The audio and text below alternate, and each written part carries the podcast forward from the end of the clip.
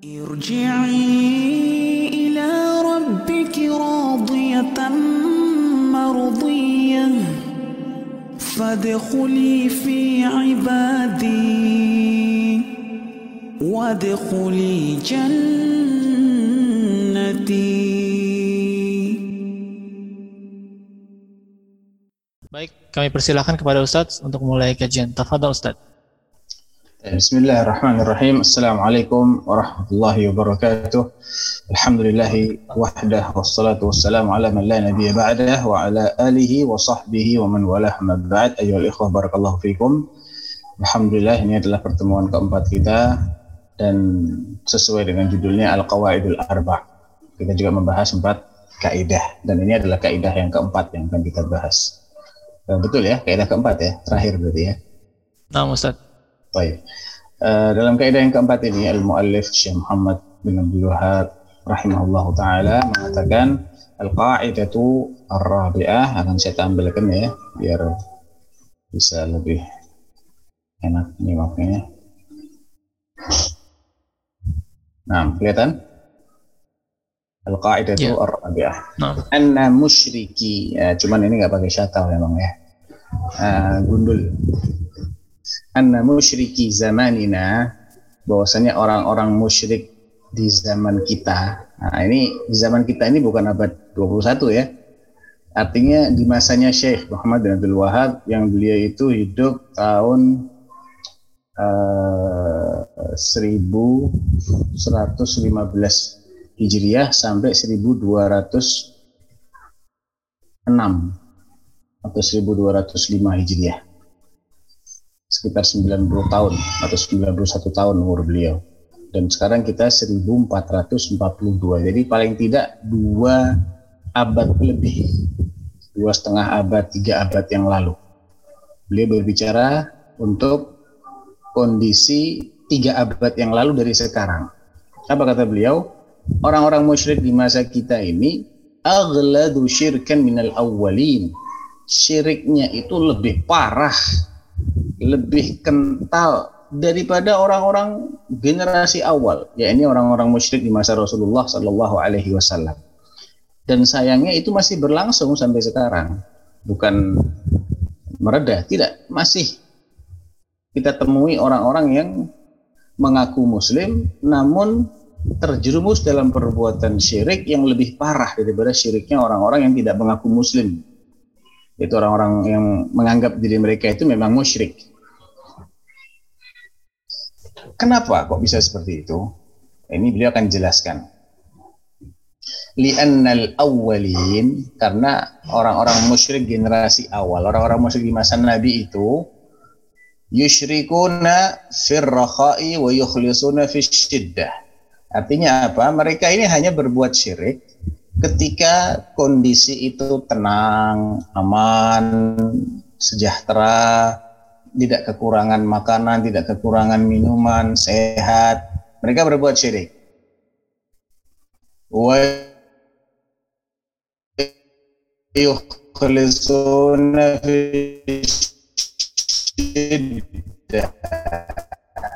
Sebaliknya ketika kondisi itu menakutkan ketika minta mereka hanya menyebut nama Allah, tidak menyebut nama berhala mereka sama sekali.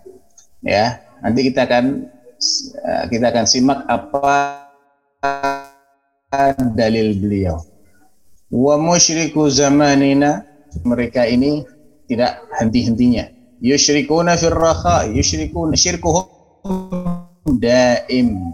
Ini salah ini ya. Bukan daiman tapi daimun. Wa musyriku zamanina syirkuhum daimun fir rakha'i wasyiddah. Ya. Atau bisa juga syirkuhum daiman fir rakha'i wasyiddah.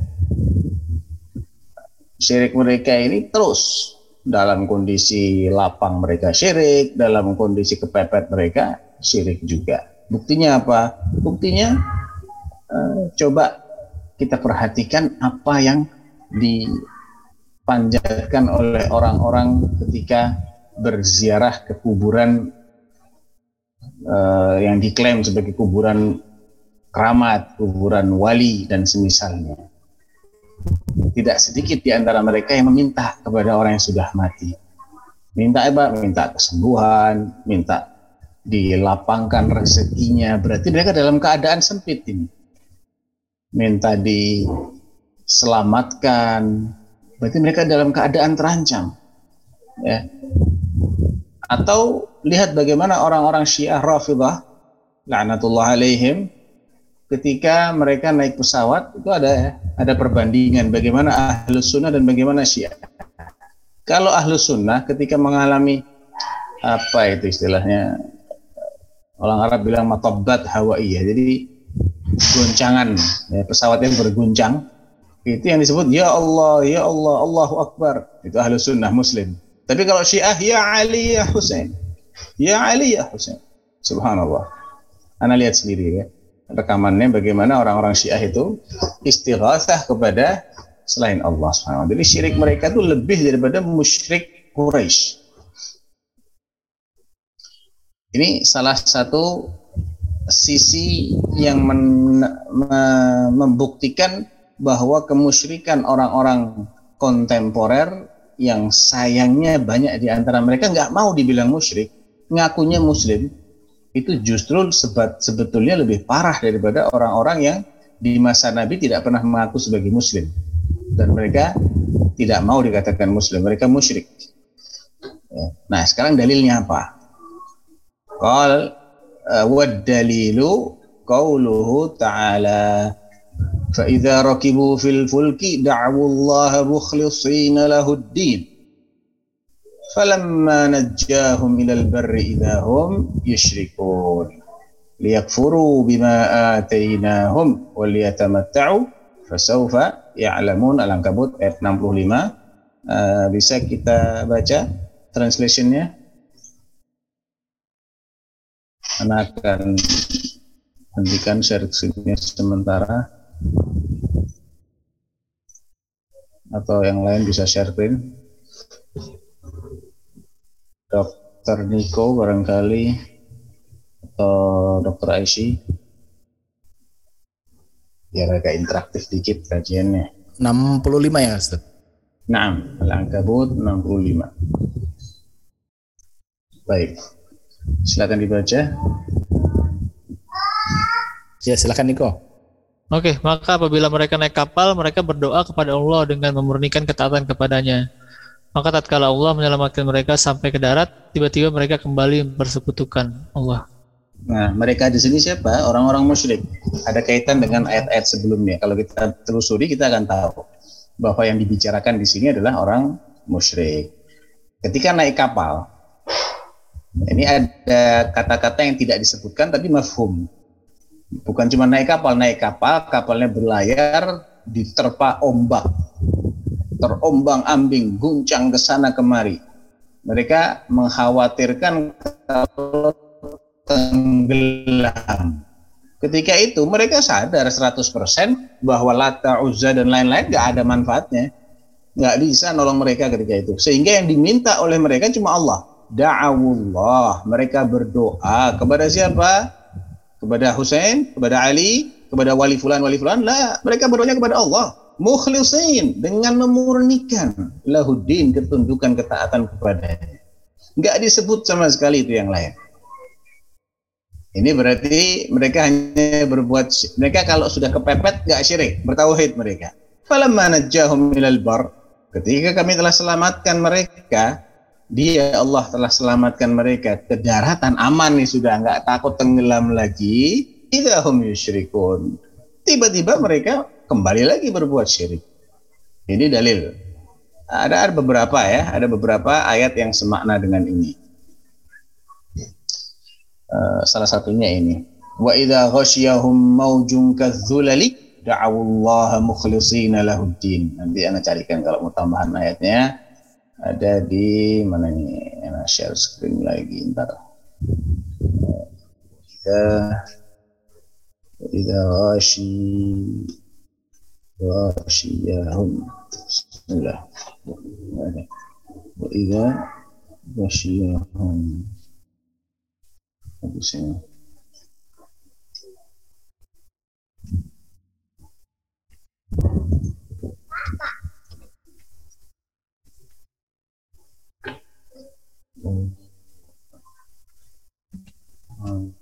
طيب.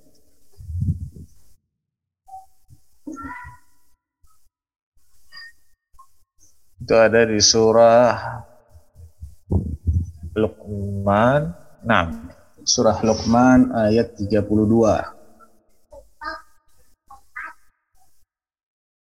Ya, Allah pada ayat 31-nya menceritakan begini, "Alam tara annal fulka tajri fil bahri bi ni'matillah?"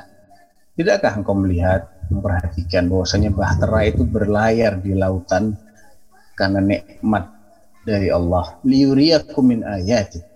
Agar dengan itu Allah tampakkan sebagian tanda-tanda kebesarannya kepada kalian. Inna fi dzalika la ayatin likulli sabarin syakur. Pada yang demikian itu benar-benar ada tanda kebesaran Allah bagi orang-orang yang penyabar dan rajin bersyukur. Wa idza ghasyahum humnya di sini dibahas orang-orang musyrik. Wa idza ghasyahum maujun kadzulali. Apabila mereka sedang diterpa oleh ombak yang besar. Surat Luqman ayat 32. Da'awullaha mukhlishina lahuddin. Mereka benar-benar memurnikan doa mereka kepada Allah. Falamma najjahum ilal barri faminhum muqtasid wa ma yajhadu bi ayatina illa kullu khattarin kafur. Ya. Jadi intinya orang musyrik itu salah satu uh, musyrik zaman kita ini salah satu alasan kenapa dinyatakan orang yang lebih parah dan lebih kental syiriknya karena syirik mereka ini langgeng. Ya, susah syirik, senang syirik. Na'udzubillah min dzalik. Uh, masih ada nggak sisi lain yang menunjukkan keparahan syiriknya orang kontemporer? Masih ada. Bahkan guru kami Syekh Saleh Ibn Hamad Al-Usaimi menyebutkan sampai 10 poin, 10 alasan. Di antara yang anak ingat, syiriknya orang-orang tempo dulu itu biasanya yang dipersekutukan dengan Allah itu adalah kalau bukan makhluk yang memang baik mempersekutukan Allah dengan malaikat, dengan nabi, dengan orang saleh, dengan wali, maka kalau nggak dengan itu mereka akan persekutukan Allah dengan benda-benda yang tidak bisa dianggap jelek. Walaupun tidak juga memiliki sifat baik dengan sendirinya. Benda mati seperti batu, pohon, ya. Pohon nggak jahat, batu nggak jahat, nggak nggak jelek ya, walaupun tidak juga dikatakan soleh. Tapi kalau orang musyrik sekarang itu nggak tanggung-tanggung yang dipersekutukan dengan Allah itu adalah orang yang dulunya ketika hidup itu terkenal dengan kefasikannya. Namun itu diklaim sebagai wali yang majdub. Pernah dengar nggak istilah wali majdub? Siapa yang pernah dengar? Anda belum pernah dengar? Belum pernah atau pernah? Belum. Oh belum pernah. Barusan kan Anda bilang, masa nggak dengar? Barusan belum paham. Baik. Ala kulli hal bisa dicek ya. Majdub atau majdub. Ya, jadi orangnya ini penampilannya sama sekali tidak menunjukkan penampilan orang bertakwa kepada Allah, tapi diklaim sebagai wali kadang penampilannya seperti gembel. Ya, penampilan mereka ini seperti orang gila. Dan memang kadang gila betul. Jadi di kalangan orang-orang sufi, di kalangan orang-orang tasawuf itu dianggap sebagai wali yang keramat dan ketika mati, wah sudah kuburan mereka menjadi ajang kemusyrikan. Jadi lebih parah nggak syiriknya orang kita dengan orang dulu, parahan orang kita. Kalau orang dulu yang kayak gini-gini nggak dijadikan sebagai sesembahan selain Allah. Ya. Tapi orang sekarang yang begitu-begitu dianggap sebagai orang wali. Udah udah jelas selama hidupnya dia banyak melontarkan statement-statement yang itu derajatnya kufur, melecehkan agama, mencemooh syariat Islam jelas itu orang semua tahu jejak digitalnya juga masih ada. Tapi ketika mati kok malah dikeramatkan. Nah, bentuk pengeramatan ini adalah bentuk kemusyrikan yang dijadikan tandingan yang dipersekutukan bukan orang soleh, orang yang fasik sebetulnya. Ya. Subhanallah. Sisi lain, keparahan musyrik zaman kita dengan musyrik zaman dulu. Nah, cek syarahnya.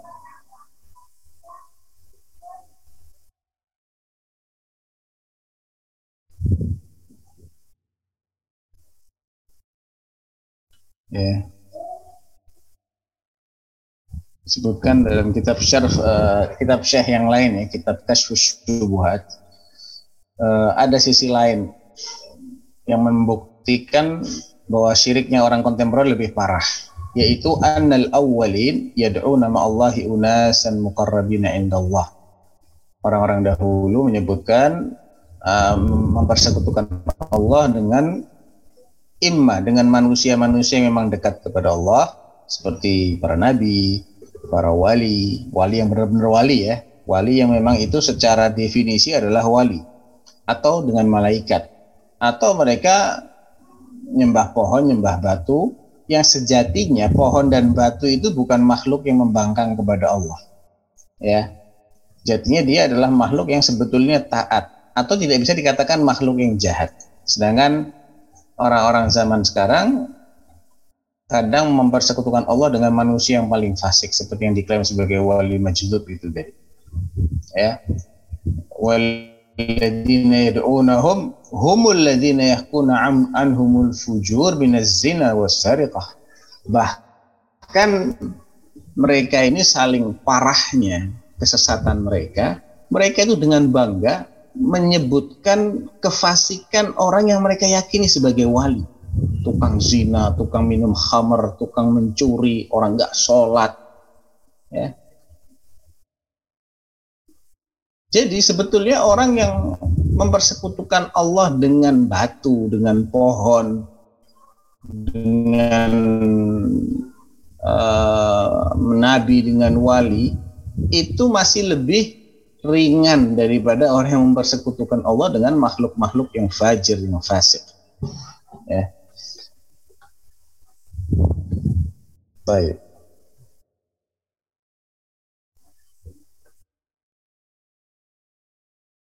Kemudian orang-orang musyrik di masa Nabi Shallallahu Alaihi Wasallam itu biasanya syiriknya hanya berkaitan dengan uluhiyah Allah dan asma wa sifat Allah. Syirik mereka berkaitan dengan apa? Dengan uluhiyah, dengan ibadah atau dengan asma wa sifat. Mereka mengakui Allah sebagai Rabbul Alamin, sebagai pencipta, penguasa, pengatur semua yang diciptakan memberi rezeki. Tapi orang musyrik sekarang bahkan mempersekutukan Allah dari segi rububiyah. Subhanallah. Dari segi rububiyah mereka persekutukan Allah. Mereka meyakini ada yang menciptakan selain Allah. Bahkan ada yang ingkar. Ada yang mengatakan pencipta itu sebanyak jumlah manusia walaupun tidak secara terus terang. Yaitu orang-orang yang meyakini bahwa manusia ini bebas menentukan perbuatannya melakukan apa yang dia inginkan terlepas dari kehendak dan izin Allah Subhanahu wa taala. Orang-orang yang menolak takdir, ya, orang-orang Mu'tazilah, Qadariyah, Mu'tazilah. Konsekuensi dari akidah mereka ini berarti per, setiap manusia menciptakan perbuatannya sendiri. Artinya pencipta itu banyak, nggak cuma Allah. Allah salah satu dari sekian banyak pencipta karena setiap orang menciptakan perbuatannya sendiri, nggak ada hubungan dengan Allah Subhanahu wa taala. Nah, ini adalah salah satu bentuk kesesatan dalam hal rububiyah yang orang kafir tidak keluar statement seperti itu. Ya, hari ini ada orang-orang yang mengingkari keberadaan Allah, orang-orang ateis. Ini lebih parah jelas daripada orang musyrik di masa Nabi yang masih mengakui, yang meyakini Allah itu ada. Baik. Ya. Bal inna minhumul kafir wal mulhid kabni Arabi. Di antara tokoh kekafiran dan tokoh ateisme yang ngaku muslim itu adalah orang yang dinamakan Ibnu Arabi at-Ta'i. Ini beda dengan Ibnul Arabi Al-Maliki. Beda. Kalau ini kan Arabi, ini isim nakirah. Tidak pakai alif dan lam. Dokter Aisyah mungkin paham dikit-dikit ya. Ada isim ma'rifah, ada isim nakirah. Pernah belajar kan dok? Nah, Ustaz. Isim ma'rifah itu artinya ma'ruf, sesuatu yang terkenal. Kalau nakirah itu Umum. Nah, umum gitu ya. Jadi subhanallah dari kata-kata ma'rifah minal ma'ruf, nakirah minal munkar. Subhanallah, yang isimnya nakirah itu orang mungkar. Dan yang, yang isimnya ma'rifah dia orang ma'ruf. Ibnul Arabi ma'rifah atau nakirah? Ibnul Ma'rifah. Fahuwa ma'ruf. Minal ma'ruf. Dia adalah ulama maliki. Tapi kalau Ibnu Arabi nakirah. Dia adalah orang mungkar. Dia tokoh dedengkot ateisme. Ya, dikafirkan oleh para ulama ahlu sunnah. Rasul ittihadiyah. Pencetusnya ittihadiyah itu menyatunya Allah dengan segenap makhluknya. Ini jelas akidah kufur ini. Wahdatul wujud. Ya. Jadi semua penampakan yang kita lihat ini adalah Allah menurut akidahnya si Mungkar Ibnu Arabi ini. Dan walaupun ini orang sudah jelas-jelas kekufurannya seperti itu, ada di antara kaum muslimin ini yang bersikap hulu kepada Ibnu Arabi. Ya, bersikap hulu kepada orang-orang yang akidahnya mengerikan seperti ini.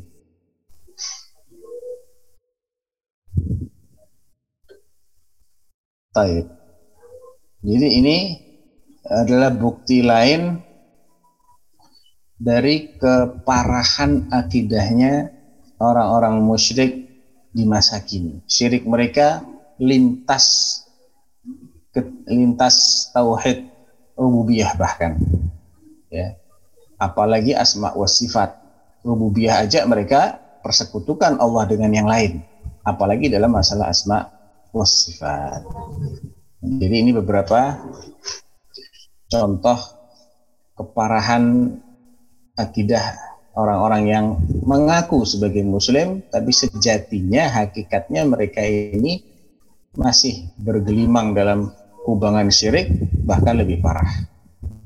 Oleh karena itu kalau ini sudah menjadi fenomena fakta di depan mata berarti sebetulnya hakikat dakwahnya Rasul itu apa? Ya, ya membasmi yang begini-begini. Ya, karena selagi kemusyrikan masih bercokol, maka uh, perintah untuk berdakwah itu akan senantiasa dikumandangkan. Ya. Amr bil ma'ruf wa nahi anil munkar. A'zam ma'ruf huwa tauhid wa a'zam munkar huwa syirk. Kema'rufan paling besar adalah tauhid dan kemungkaran terbesar adalah perbuatan syirik. Ya. Jadi ini eh, poin keempat yang melengkapi ketiga poin berikutnya tiga kaidah eh, sebelumnya yang dengan demikian semakin gamblang bagi kita bahwa Nabi ini sebetulnya misinya apa dan kita ada di mana. Apakah kita ini ada di barisan Nabi ataukah jangan-jangan kita masih di barisan oposisi? Ya, Nah ini ini perlunya kita memahami hakikat dakwahnya Rasulullah Shallallahu Alaihi Wasallam agar kita ini benar-benar berada di pihaknya Nabi. Jangan sampai kita menjadi oposisi. Sedangkan kita mengaku atau meyakini kita di pihaknya Nabi, tapi hakikatnya yang penting bukan keyakinan kita. Keyakinan itu bisa benar, bisa salah. Hakikatnya bagaimana? Anda meyakini Anda berpihak kepada Nabi, bisa Anda buktikan dengan dalil ilmiah? Nah, kalau ingin membuktikan, Anda harus kenal dulu dong. Dakwahnya Rasulullah itu ke mana? Arahnya ke mana? Siapa yang didakwahi? Akidah mereka seperti apa? Kalau akidah mereka itu sudah benar, kok diajak untuk beriman? Kalau mereka ini diajak untuk beriman, berarti akidah mereka itu masih belum benar. Padahal mereka mengaku adanya Allah, mengaku Allah sebagai pencipta, sebagai penguasa, sebagai pemberi rezeki, sebagai pengatur alam semesta. Kok masih diajak masuk Islam? Karena apa? Eh ternyata ada poin lain. Mereka masih nggak mau kalau hanya ibadah kepada Allah. Berarti hakikat hakikat dakwahnya para nabi itu bukan hanya mengajak manusia untuk mengimani keberadaan Allah, mengimani Allah sebagai pencipta, penguasa dan seterusnya. Bukan hanya itu. Nggak boleh stop di situ Nabi. Karena sebelum didakwahi pun mereka sudah seperti itu secara umum akidahnya. Berarti jangan sampai kita hanya berhenti me- mengimani Allah dari segi rububiyah, nggak kenal apa itu tauhidul ibadah, nggak kenal apa itu tauhidul asma was sifat. Bahaya nanti. Ya. Jadi ini pentingnya di sini, urgensinya di sini. Bagaimana kita bisa berpihak. Ya ayyuhalladzina amanu taqullaha wa kunu ma'as shadiqin. Bersamalah kalian dengan orang-orang yang sungguh-sungguh komitmen jujur. Nah, untuk bisa bersama mereka kita harus tahu seperti apa pola pemikiran mereka orang-orang yang kita disuruh bersama yang paling topnya di antara as-sadiqun adalah tentunya para nabi yang mereka ini maksum dari perbuatan dosa. Nah, mungkin ada pertanyaan, Fadol. Ah, sekolah khairan Ustadz atas materinya. Eh, kaidah terakhir ini sangat pendek ya, jadi pertanyaan juga baru sedikit. Ini saya bacakan pertanyaan yang eh, pertama. Eh, melihat pentingnya eh, da- memahami dakwah Nabi Muhammad SAW, bagaimana hukumnya mempelajari eh, kitab ini, kaidah-kaidah ini, eh, Ustadz? Karena buku ini juga nggak begitu terkenal ya, orang nggak begitu tahu tentang buku ini. Tafadhol Ustadz. Ya, eh, tentunya ini adalah salah satu mata rantai yang kalau dilewatkan akan berpengaruh kepada pemahaman kita terhadap hakikat dakwahnya Rasulullah Shallallahu Alaihi Wasallam. Walaupun eh, kebiasaannya Syekh Muhammad bin Abdul Wahab adalah beliau tidak membahas sesuatu di satu tempat dan tidak pernah ulang lagi, nggak begitu. Walaupun beliau bahas di sini, nanti di kitab yang lain ada uh, apa namanya pengulangan. Di kitab yang ketiga ada pengulangan. Makanya tadi salah satu tambahan yang anda sisipkan tentang sisi keparahan akidah orang musyrik itu saya ambilkan dari kitab Kasyfus Syubuhat. Itu kitab lain, kitab beliau yang lain. Jadi seandainya orang yang ingin belajar akidah itu mempelajari buku-buku Syekh Muhammad bin Abdul Wahab yang lain, maka insya Allah itu bisa terwakili. Ya. Namun kalau ingin sistematis, ingin belajar eh, dengan urut, maka pelajari ini dulu. Mulai dari yang simple, yang pendek-pendek. Ya semualah, semua ilmu kan dipelajari dari yang paling dasar, yang paling mudah dulu. Baru kemudian upgrade lagi, upgrade lagi, upgrade lagi. Jadi al-qawaidul arba, kemudian eh, salah satu usul, tiga pondasi utama, ya, kemudian Nawaqidul Islam itu matan-matan yang ringkas. Setelah itu naik misalnya ke Kitabut Tauhid. Ya. Sudah selesai Kitabut Tauhid. Nah, untuk memperkuat perlu belajari kitab Kasyfus Syubuhat karena pasti banyak syubhat yang akan dilontarkan oleh musuh-musuh dakwah tauhid ini. Baik dari kalangan klasik maupun kontemporer. Oleh karena itu untuk menjaga keyakinan kita agar tidak goyah dengan syubhat, kita perlu tahu nih kunci-kuncinya. Nah, beliau siapkan kitab untuk itu. Tapi tentunya jangan awal kita langsung baca kasus syubhat. Ntar bisa bisa headache nanti satu kepala, bingung ya. Awalin dulu dengan kitab yang ringkas-ringkas dulu. Upgrade, upgrade, upgrade. Jadi ketahui dulu yang benar-benar. Ya. Kalau ini kan pasti ada syubhat yang dinukil kalau dia belum punya basic, dia baca kitab Kasyfus Syubhat, jangan-jangan yang nyantol di benak dia syubhatnya, bukan jawabannya, bukan bantahannya. Tapi kalau dia sudah punya basic, sudah menguasai untuk memberikan imunitas terhadap syubhat, perlu dia baca kitab Kasyfus Syubhat. Nah, jadi jawaban saya tergantung ya, Anda mau belajarnya uh, satu paket atau belajar sekali aja belajar dengan durasi panjang atau dengan durasi singkat itu menentukan panduan apa kitab yang mau kita pakai yang seperti apa gitu ya. Nah, Nah, Ustaz, jazakallah khairan atas uh, pertanyaan uh, jawabannya. Lalu ada pertanyaan dari kolom chat. Assalamualaikum warahmatullahi wabarakatuh. Mohon pencerahan Ustaz, konsep musyrik berlawanan dengan konsep tauhid dan konsep Hmm. akidah. Apakah bila seseorang percaya dan mengimani Allah Subhanahu wa taala sebagai satu-satunya pencipta dan Tuhannya manusia, namun masih tidak percaya atau tidak mengimani ciptaan Allah seperti malaikatnya, beberapa kitabnya, hari akhir, qadar dan qadar, apakah ini juga termasuk golongan musyrik? Mohon pencerahannya Ustaz. Jazakallah khairan. Barakallahu fikum. Ya bisa dia masuk kategori musyrik, bisa juga dia tidak masuk kategori musyrik, tapi tetap dikafirkan. Karena yang namanya iman itu nggak bisa pilih-pilih. Iman itu paket. Terima harus terima semua. Sebagian ditolak sama dengan nolak semua. Iman kepada Allah dalam ketiga aspeknya rububiyah, uluhiyah, asma wa sifat, tapi nggak iman sama malaikat kafir. Kafir, walaupun dia syahadat seribu kali tiap hari. Walaupun dia sholat, walaupun dia berangkat jihad, nggak iman sama malaikat kafir. Iman kepada semua malaikat kecuali Jibril kafir. Ini bil ijma, bil ijma berdasarkan ijma'nya kaum muslimin. Iman kepada Allah kepada seluruh malaikat. Iman juga kepada kitab-kitab kecuali kitab Zabur. Saya nggak percaya kalau Allah menurunkan kitab namanya Zabur. Misalnya kafir juga dia.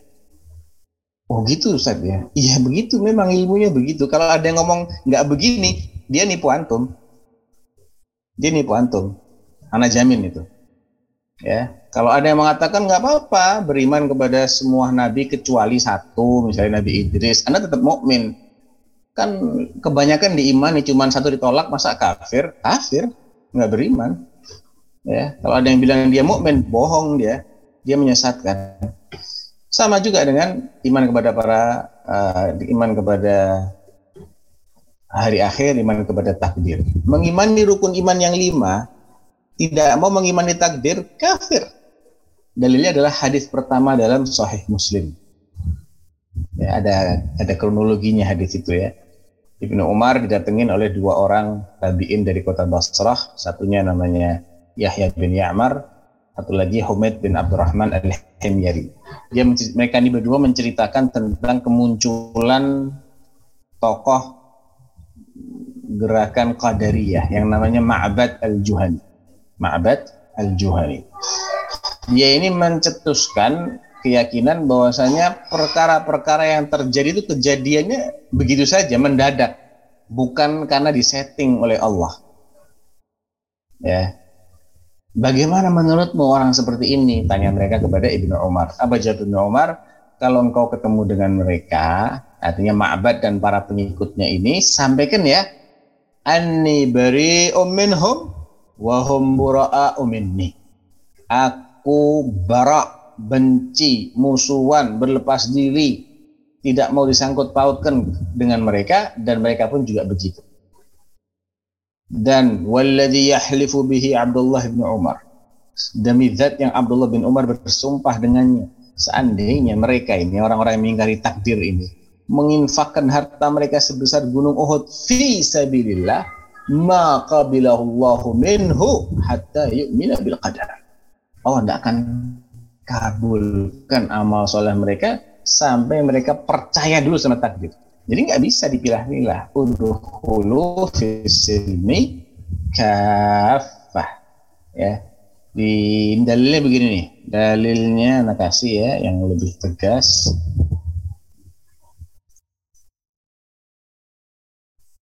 Bentar.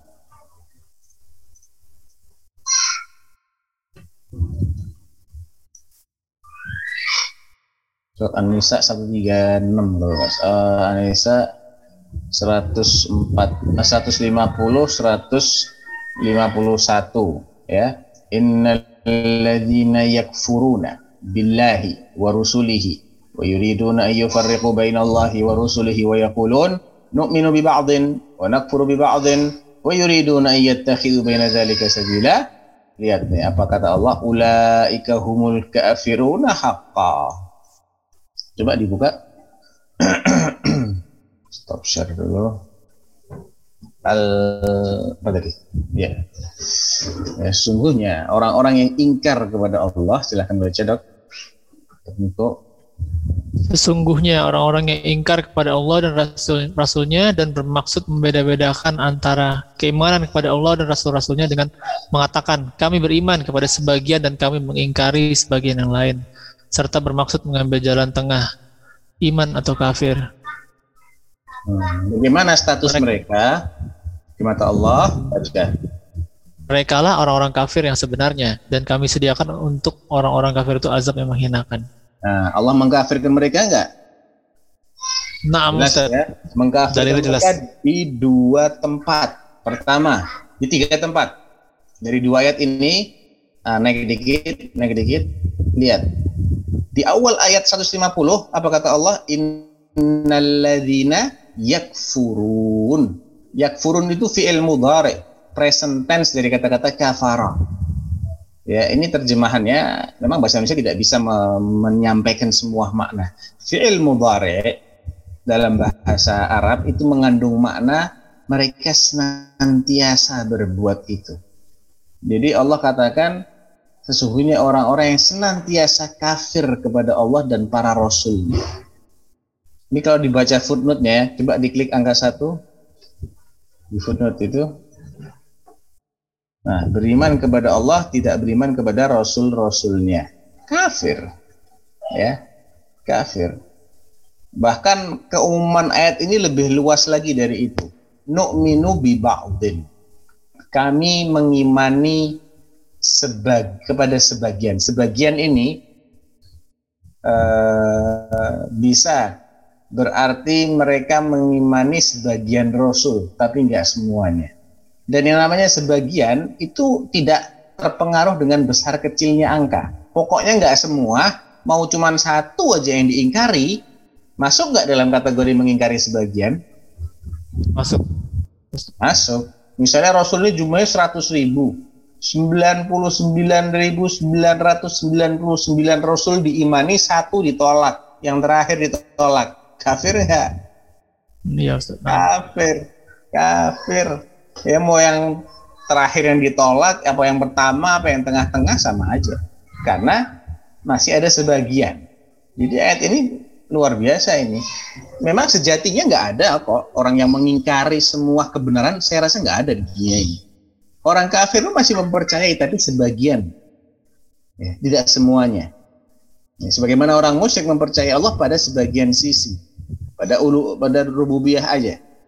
Uluhiyah nggak, asma wa sifat nggak.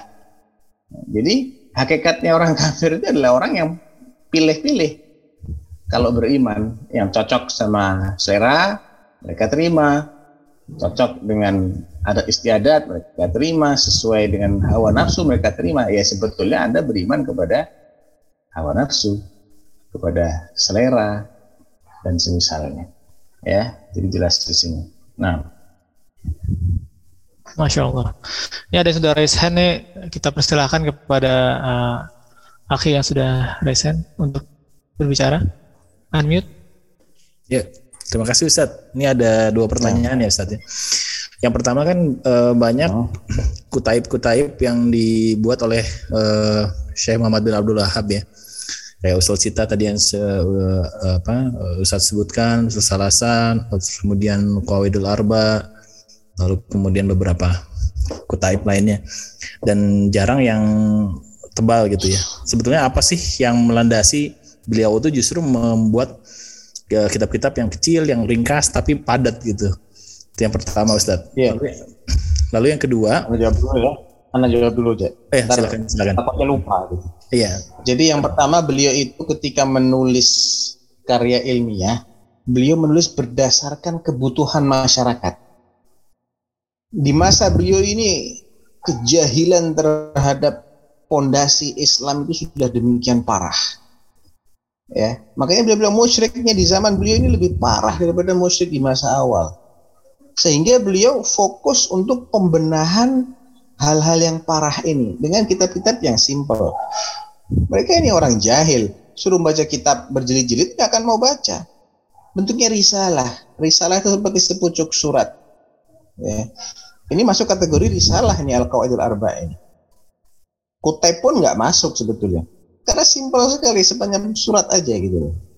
Dan beliau banyak melakukan itu menyurati tokoh-tokoh masyarakat, orang-orang yang dianggap sebagai ulama namun pemikirannya ngawur, tidak sesuai dengan dalil beliau surati. Ya.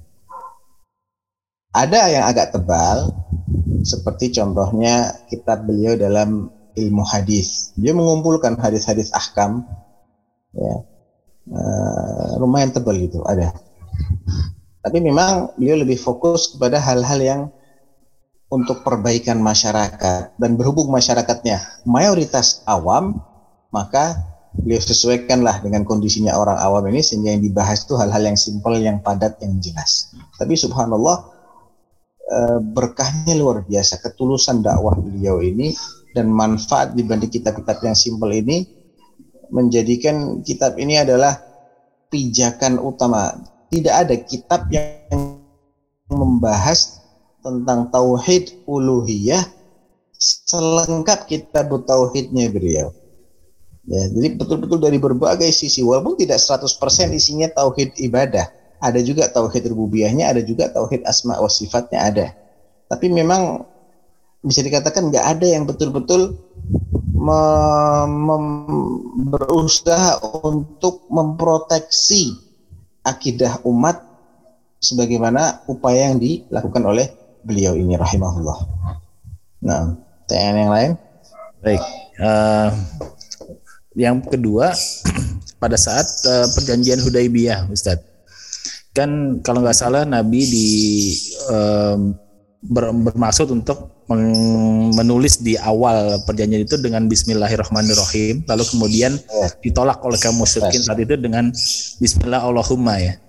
Nah, hikmah dari ya uh, apa sebetulnya hikmah dari hal tersebut? Apa bukan berarti bahwa Nabi pada saat itu juga me, apa ya mengenyampingkan uh, asma wa sifat seperti itu bisa diartikan seperti itu atau ada apa hikmah dari uh, hal uh, peristiwa tersebut Ustaz? Nah, jelas itu tidak tidak ada maksud ke sana. Sebagaimana beliau diprotes ketika menggunakan min Muhammadin Rasulillah ila Suhail bin Amr. Protes Suhailnya. Kok enak kamu nulis Rasulullah kalau kami meyakini engkau sebagai Rasulullah kita nggak musuhan sama kamu kita nggak perang sama kamu udah ganti tulis aja min Muhammad bin Abdullah kan nama ente Muhammad nama bapak ente Abdullah nggak usah pakai gelar ya, apakah berarti beliau mengingkari kalau diri beliau Rasulullah enggak beliau katakan wallahi inni la Rasulullah wa in angkartumuni. Demi Allah aku tetaplah Rasulullah walaupun kalian mengingkari. Ya udah deh. Daripada nggak jadi perjanjiannya uh, terlibat peperangan padahal maksudnya Rasulullah adalah untuk umrah, untuk ta'zim Baitullah, beliau pun ngalah di sini. Ngalah itu tidak berarti menerima kebatilan, tidak. Ya. Uh, demikian pula ketika beliau memerintahkan Ali agar mengganti Bismillahumma Padahal tadi terus Bismillahirrahmanirrahim. Karena apa? Ada maslahat lebih besar yang beliau bidik. Jadi, tidak mungkin beliau dikatakan mengingkari Ar-Rahman Ar-Rahim, tidak. Ya. Buktinya beliau kalau Al-Fatihah baca Bismillahirrahmanirrahim, bukan Bismillahumma. Ya, ketika uh, apa namanya di awal-awal surat yang tertulis juga Bismillahirrahmanirrahim kecuali surah At-Taubah. Jadi nama Ar-Rahman, Ar-Rahim itu nama yang valid tetap walaupun diingkari oleh orang musyrik. Nah, seandainya apa yang beliau lakukan itu bukan demi mendapatkan kemaslahatan yang lebih besar, beliau tidak akan mau ngalah seperti itu. Tapi jelas ada maslahat yang lebih besar. Ya, jadi balik Hudaybiyah ini begitu selesai Allah turunkan pas Nabi jalan pulang ke Medina itu Allah turunkan surah Al-Fatih. Yang artinya apa? Kemenangan. Inna fatahna laka fathan mubina. Pakai fi'il maldi. Pre, uh, past tense. Sesungguhnya kami telah memberimu kemenangan yang nyata. Sahabat bingung, menang di mana? Ya. Tapi subhanallah, Allah justru membukakan melalui perjanjian Hudaybiyah ini. Taib.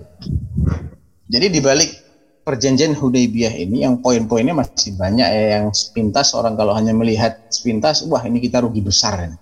ngalahnya udah kebanyakan kita nggak boleh umroh ya sudah suruh nulis namanya Rasulullah dengan Muhammad bin Abdullah suruh menghapus Ar-Rahman Ar-Rahim dengan Bismillahumma Kemudian mereka tidak boleh uh, melarang orang-orang Madinah yang sudah masuk Islam untuk murtad dan balik ke Mekah.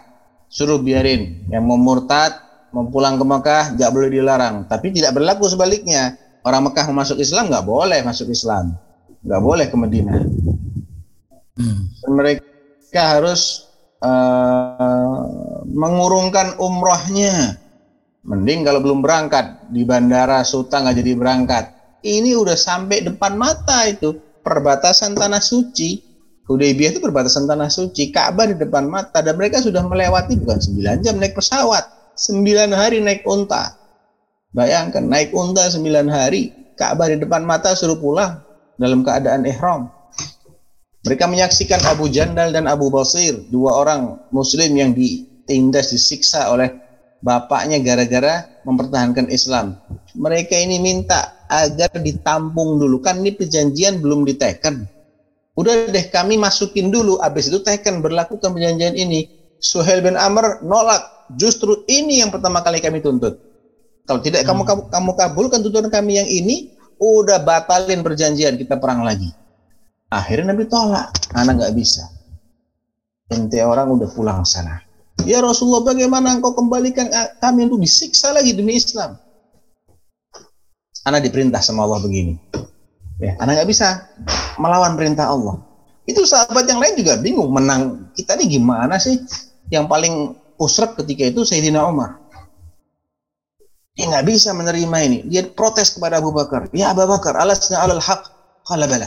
Alaisu alal batil? Qala bala. Qala falima naqbalu daniyata fi dinina? Bukankah kita ini di atas kebenaran? Ya betul.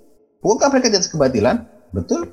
Terus ngapain kita mesti menerima kehinaan dalam agama ini, dalam mempertahankan agama ini. Karena uskut, innahu Rasulullah.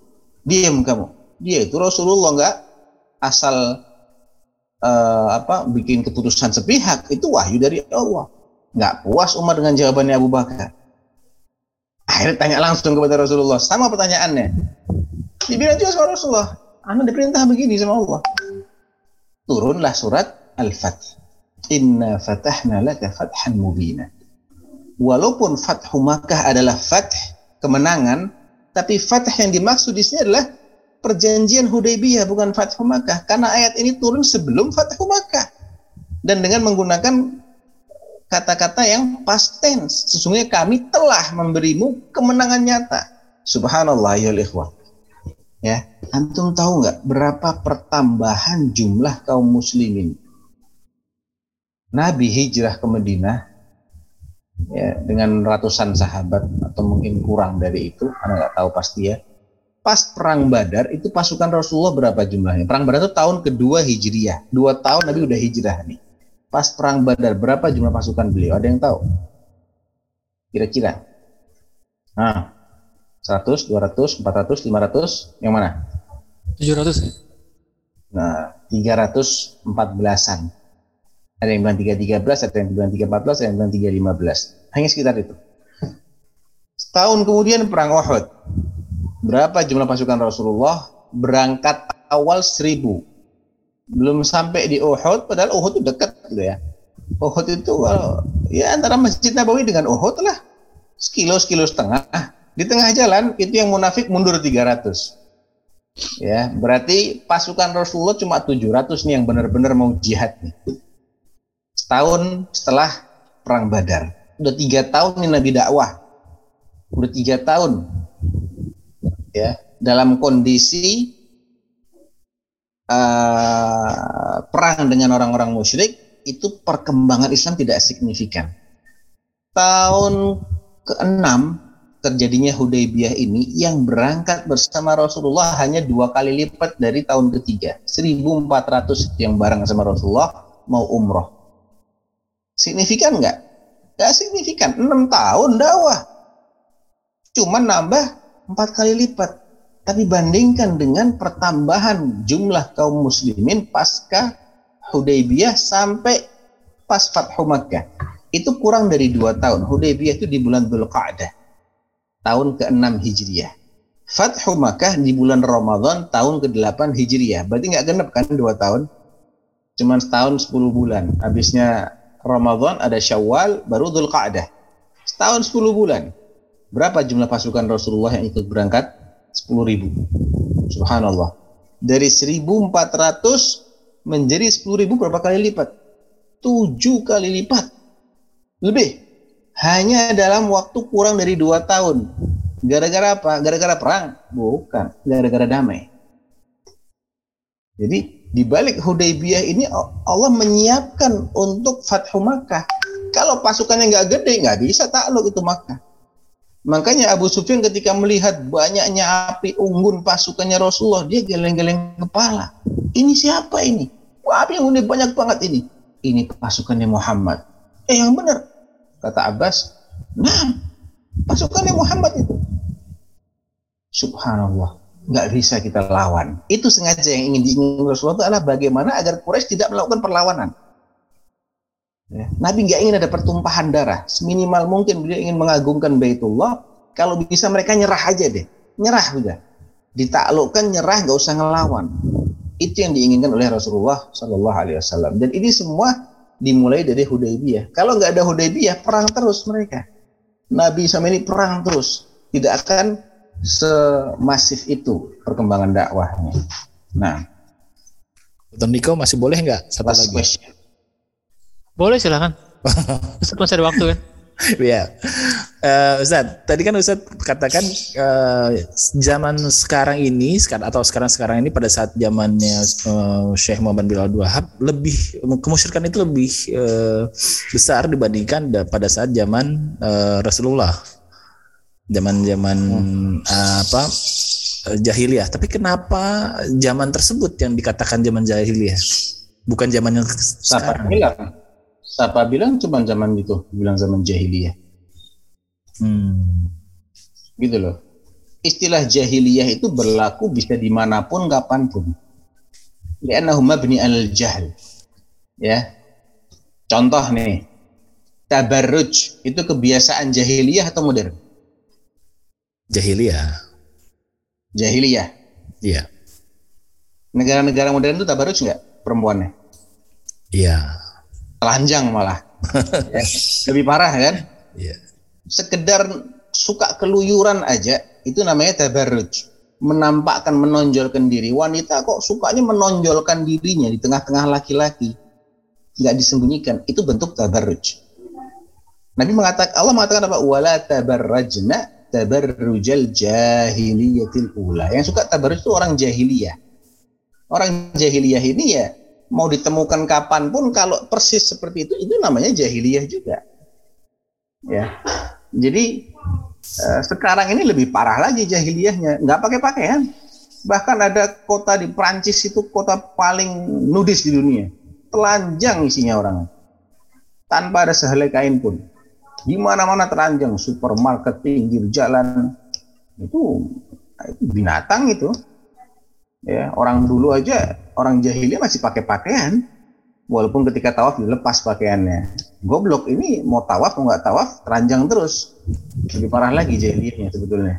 Jadi nggak nggak nggak terbatas pada zaman tertentu dahulu. Enggak sampai kapan pun. Makanya beliau ada punya kitab lagi namanya Masailul Jahiliyah Hmm. permasalahan-permasalahan yang itu masuk kategori jahiliyah. Bahkan ada sahabat Nabi yaitu Abu Dhar. Ya.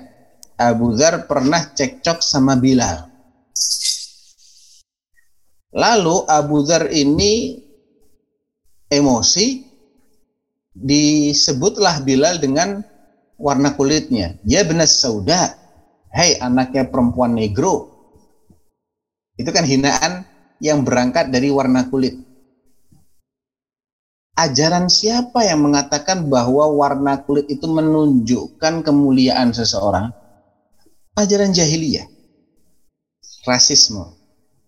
Kalau hitam masih jelek, kalau putih masih bagus. Ajaran siapa itu? Ajaran jahiliyah.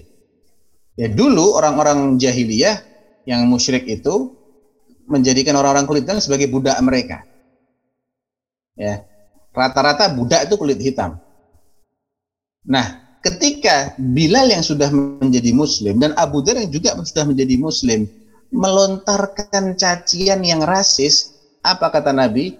Ya Abadar, innaka mru'un fika jahiliyah. Hei Abu Dhar, kau ini orang yang masih ada jahiliyahnya juga. Gitu loh. Kenapa? Ayyartahu bi ummih, kau celah dia dengan menyangkut pautkan ibunya yang berkulit hitam. Itu. Ya. Hmm. Nabi juga mengatakan dalam hadis lain, arba'un fi ummati min amril jahiliyah la yada'uhun.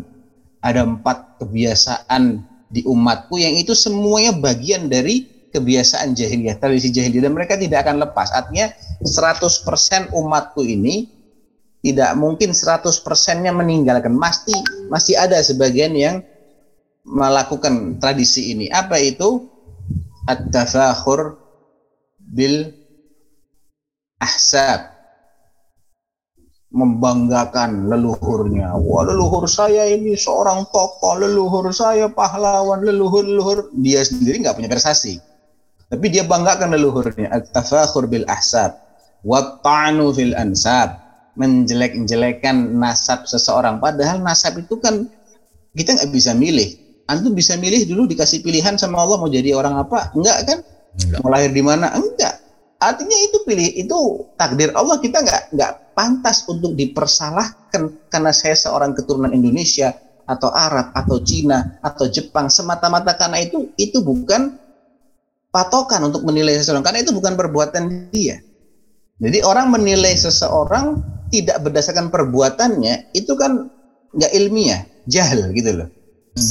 Nah, Hei, dasar lu orang begini. Loh, saya nggak pernah disuruh milih sama Allah ketika saya mau lahir. Ente mau jadi orang apa? Enggak. Ente mau kulit hitam, kulit putih, mau mancung, mau pesek. Kalau orang dihina karena sesuatu yang itu bukan tidak ada campur tangan dia, kan itu jahiliyah namanya. Itu kejahilan gitu loh. Jadi mencela nasab seseorang itu jahil. Wan niyahatu alal mayyit, meratapi orang mati. Ada satu lagi saya lupa. Eh, pokoknya ada empat hal. Artinya, pokoknya ada apa saja yang itu merupakan kebiasaan jahiliyah atau ideologi jahiliyah dan kemudian dilakukan, ya ini jadi jahiliyah lagi dalam dalam hal ini gitu. Sebagaimana Nabi mengatakan innaka mar'un fika. Ada sebagian sisa-sisa jahiliyah pada dirimu hai Abu Dar yaitu kau tadi suka meng, me- apa namanya mencela ibunya yang kulit hitam. Gitu. nah, masya Allah, barakallahu fikum Ustaz. Menarik nih, jadi bisa ide untuk kajian kitab selanjutnya nih Masail Jahiliyah Ustaz. Ah, boleh boleh boleh. Masya Panjang Allah, ya, itu 100 lebih itu. Masya Allah, Masya Allah. Jazakumullah khair. Nah. Cukup ya? Masya Allah. Cukup Ustaz. Masih bisa beberapa pertanyaan lagi Ustaz? Aduh, udah deh, udah ngantuk berat nih mata Ana nih. Oh, ya udah. tahan-tahan. kita tutup Ustaz. Baik, Ya, silakan Ustaz. Isi hitam. baik. eh, ya, mudah-mudahan apa yang kita kaji pada malam hari ini eh, tidak menjadi eh, apa ya istilahnya sesi terakhir kita untuk belajar akidah. Ya, masih banyak hal-hal poin-poin yang perlu kita pelajari lagi terkait dengan akidah kita sebagai seorang muslim, bagaimana kita meyakini Allah, meyakini malaikat dan seterusnya, bagaimana kita mewaspadai ideologi-ideologi batil, tradisi-tradisi yang akan merusak kemudian akidah kita. Oleh karena itu, insya Allah kita akan lanjutkan dengan beralih ke eh, apa ya, matan lain atau kitab lain. Tadi diusulkan oleh Dr. Aisyah mungkin Masail Jahiliyah, nggak apa-apa, bagus-bagus saja itu Eh, mudah-mudahan apa yang kita pelajari ini bermanfaat bagi kita. Subhanakallahumma rabbana wa bihamdik asyhadu an la ilaha illa anta astaghfiruka wa atubu ilaik. Assalamualaikum warahmatullahi wabarakatuh. ارجعي إلى ربك راضية مرضية فادخلي في عبادي وادخلي ti.